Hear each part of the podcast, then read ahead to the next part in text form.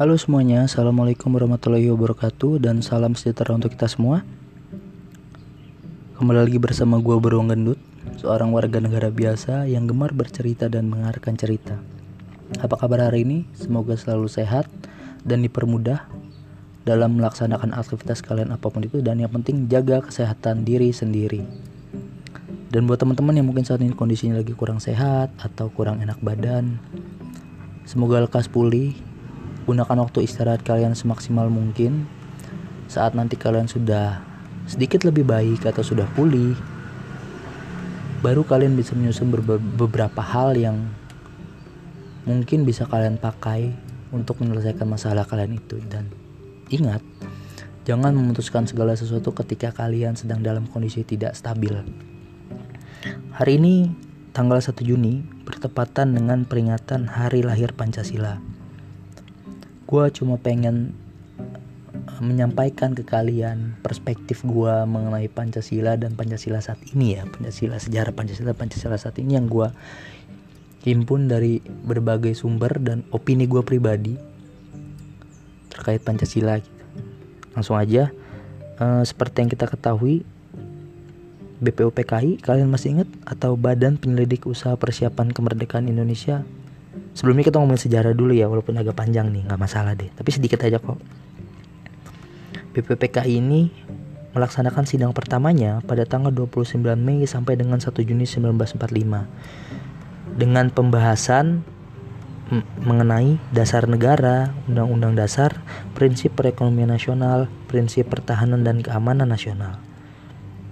Awalnya nih peserta sidang nih merasa keberatan karena khawatir pembicaraan tentang dasar negara ini hanya akan menjadi perdebatan panjang dan filosofis yang hanya akan menunda kemerdekaan.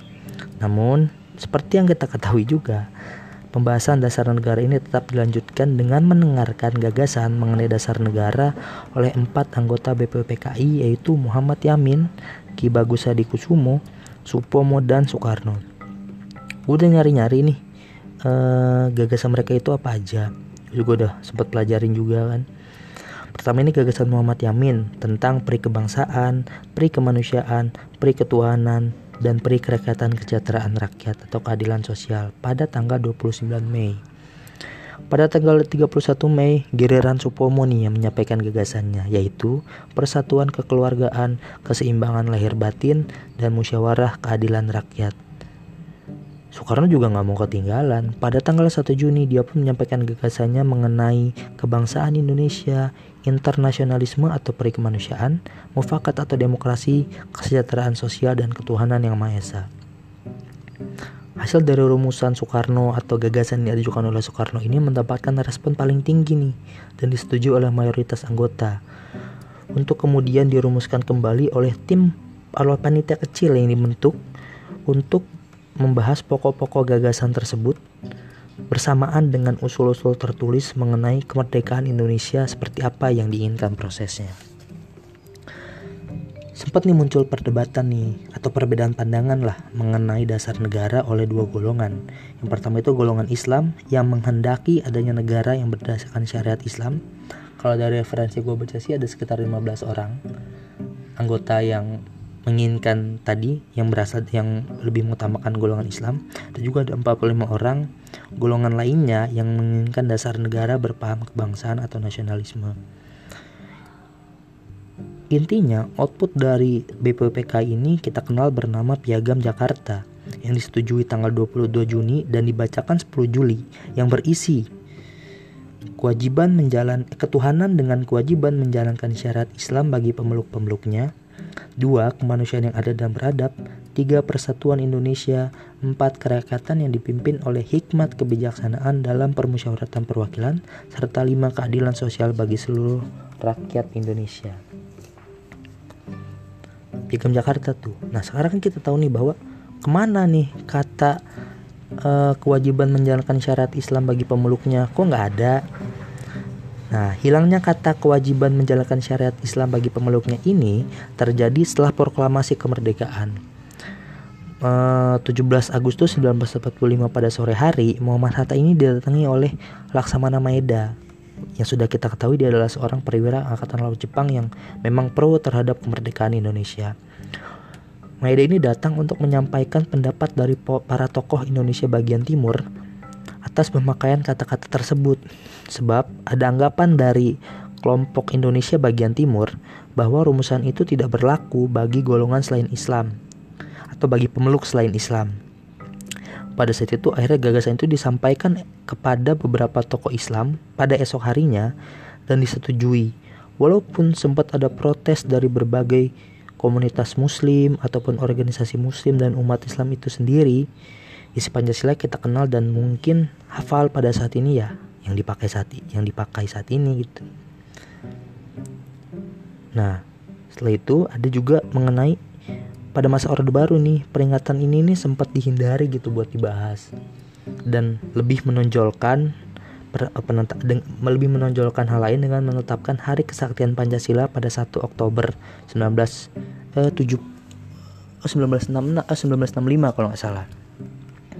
Mulai di atau mungkin kalau misalkan lo ada referensi mengenai penetapan Hari Kesaktian Pancasila tahun berapa mungkin nanti bisa DM gue di Twitter @cahyodio o belakangnya dua atau di Instagram juga bisa @cahyodio o @cahyodio c a h y o d i o o. Tuh nanti bisa gue pelajarin juga sih nah di sini gue nggak akan ngebahas lebih jauh nih karena ya gue juga masih pengen punya foto baru bukan hilang tanpa jejak selain nama gue aja sih seperti yang udah ketahui bahwa kalau misalkan ngomongin orang baru pasti akan oke okay, kita lanjut aja. Daripada makin panjang dan gue malah makin bahaya hidup di dunia.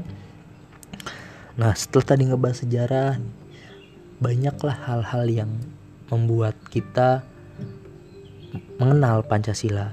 Sejak kecil baik itu di pendidikan formal maupun non formal kita ini udah diajarkan dan dikenalkan bunyi dari tiap sila pada Pancasila ini dengan caranya masing-masing di pendidikan formal misalnya setiap Senin pagi itu pasti ada momen di mana upacara bendera yang menjadi satu-satunya momen jagoan neon dan geng cantik sekolah nih. Terlihat seperti anak yang manis, pintar, dan berbudi pekerti. Salah satu ritual yang wajib yang dilakukan pada saat uh, apa upacara itu kan pasti mengumandangkan Pancasila kan tapi apa kita yakin bahwa makna Pancasila ini sudah benar-benar dipahami oleh seluruh warga negara? Sebenarnya bisa aja sih banyak cara kita dalam ekspresikan Pancasila itu. Khususnya belakangan ini sangat unik nih.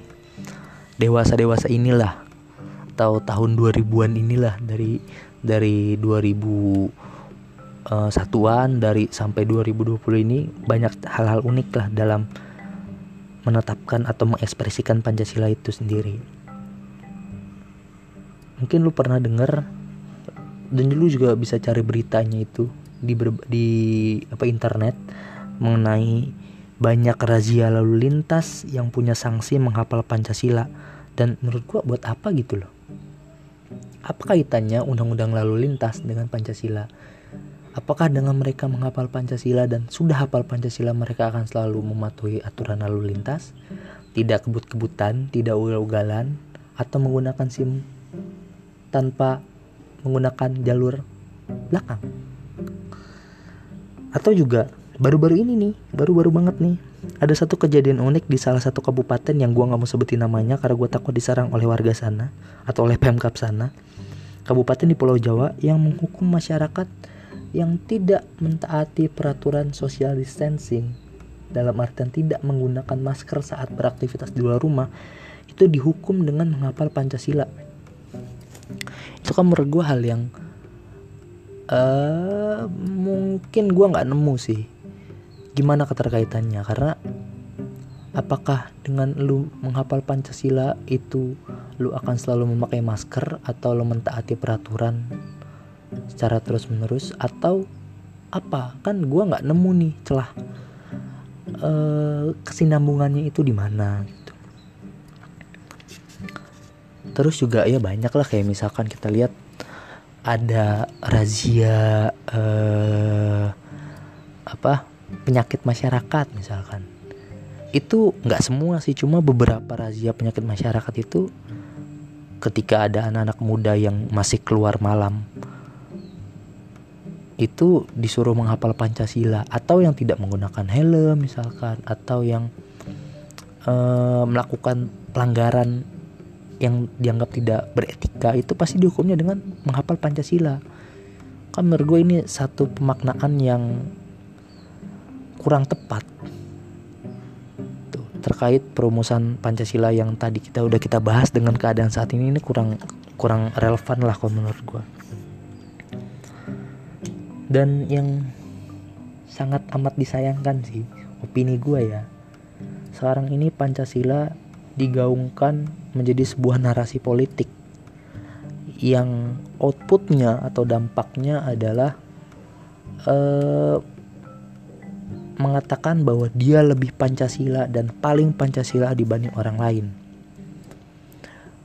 Dan uh, tidak ada yang ketika ada orang yang bertentangan dengan Pancasila ataupun ketika ada orang yang menyampaikan satu gagasan atau satu ilmu itu dianggap tidak Pancasila itu kan hal yang sangat keliru gitu. So itu aja dari gua. Semoga narasi politik ini tidak bisa kita telan mentah-mentah karena kita harus melihat apa yang mereka lakukan. Bukan berarti kita menyepelekan Pancasila tapi kita sangat tidak suka dengan orang-orang ataupun elit-elit politik yang menggunakan narasi Pancasila ini untuk melegalkan tindakan yang kita anggap keliru tapi mereka benarkan karena mereka merasa bahwa kita sudah menjalankannya sesuai Pancasila dan kelompok kita sudah sekelompok yang sangat Pancasilais gitu. Dan saat ini konflik horizontal ini sangat erat kaitannya di masyarakat gitu karena ada kelompok uh, isu-isu radikalisme ini muncul karena pemahaman yang keliru mengenai Pancasila gitu bahwa dari hasil sidang BPPK pun anggapan atau pandangan dari golongan Islam pun begitu dihargai, begitu diutamakan, begitu dihindari terjadinya ketidaksetujuan ataupun ketersinggungan dari umat Islam. Tapi saat ini ketika memang kita mengkritik uh, satu kelompok maka kita akan langsung dikonotasikan sebagai kelompok yang islamis. Karena memang kondisi politik saat ini memang sudah bisa kita ketahui bagi masyarakat awam khususnya itu ada kelompok Pancasilais dan kelompok agamis. Untuk kelompok agamis sendiri mungkin nanti gue akan ngobrol lagi dengan expert ahli mengenai isu ini karena memang gue takutnya gue jadi ada salah-salah kata dan gue malah dituduh melakukan penistaan tapi untuk yang orang-orang yang menggunakan Pancasila sebagai narasi yang mereka bangun untuk mengatakan diri paling benar, ini gue sangat-sangat disayangkan dan gue pengen tahu aja sejauh mana pemahaman Pancasila mereka. Apakah mereka hanya hafal tanpa memaknai? Karena menurut gue, sekali lagi nih ya, menurut gue, cara kita mengekspresikan Pancasila itu sebenarnya sangat sederhana, men kita bisa menunjukkan Pancasila dalam kehidupan sehari-hari itu dengan cara mengajarkan tanpa merendahkan dan menunjukkan tanpa menjatuhkan. Terima kasih. Sekian dari gua. Sekali lagi selamat hari lahir Pancasila. Semoga panjang umur Pancasila dan tetap sehat selalu dan tidak dipergunakan oleh orang-orang yang tidak berkompeten dalam menyampaikan dan mempraktekkan Pancasila di kehidupan sehari-hari. Assalamualaikum warahmatullahi wabarakatuh.